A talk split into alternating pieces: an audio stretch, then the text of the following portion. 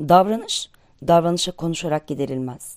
Az ye, sigara içme, spor yap. Bunları söyleyerek varılacak hiçbir hedef yoktur. Kişinin eylemi yaparken hangi duygu ve düşünce içinde olduğudur önemli olan. Çünkü düşünce değişirse davranış değişir. Duygular ise yönetilemezler. Birisine öfkelenme, şimdi mutlu ol, üzülme demek bir fayda sağlamaz. Bırakın duygular tüketilsin. Öfke nereden geliyor? Bunu boşaltmak için neye ihtiyacın var? Bunun gibi sorular duygularını dile getirilmesini sağlayabilir.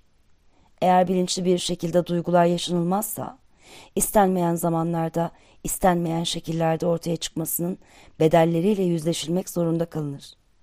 Şu cümleler bu tür durumların işaretlerini vermektedir. Biliyorum, yanlış ama çok seviyorum. Engel olamıyorum, gönül ferman dinlemiyor. Kendimi tutamadım, kan beynime sıçradı. Ne yaptıysam gözyaşlarımı engelleyemedim. Bu ifadelerde bulunan davranışların hepsi farklı koşullarda yönetilmek zorunda kalınabilir. Çok kolay olmasa da anı kurtarmak için o anda duyguları bastırmak ve ortama uygun davranışlarda bulunmak gerekliliği oluşabilir. Ancak asıl hedef kişinin duygu ve düşüncelerinin kendisine yaptırmak üzere olduğu davranışları tespit etmesi ve kendi tercihlerine göre davranışlarına yön verebilmesidir.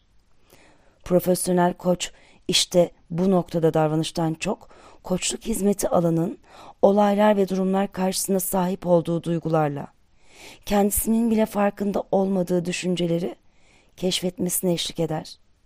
Böylece gerçek duygu ve düşüncelerine hakim olan kişi daha özgür, bireysel kararlar verebilir.''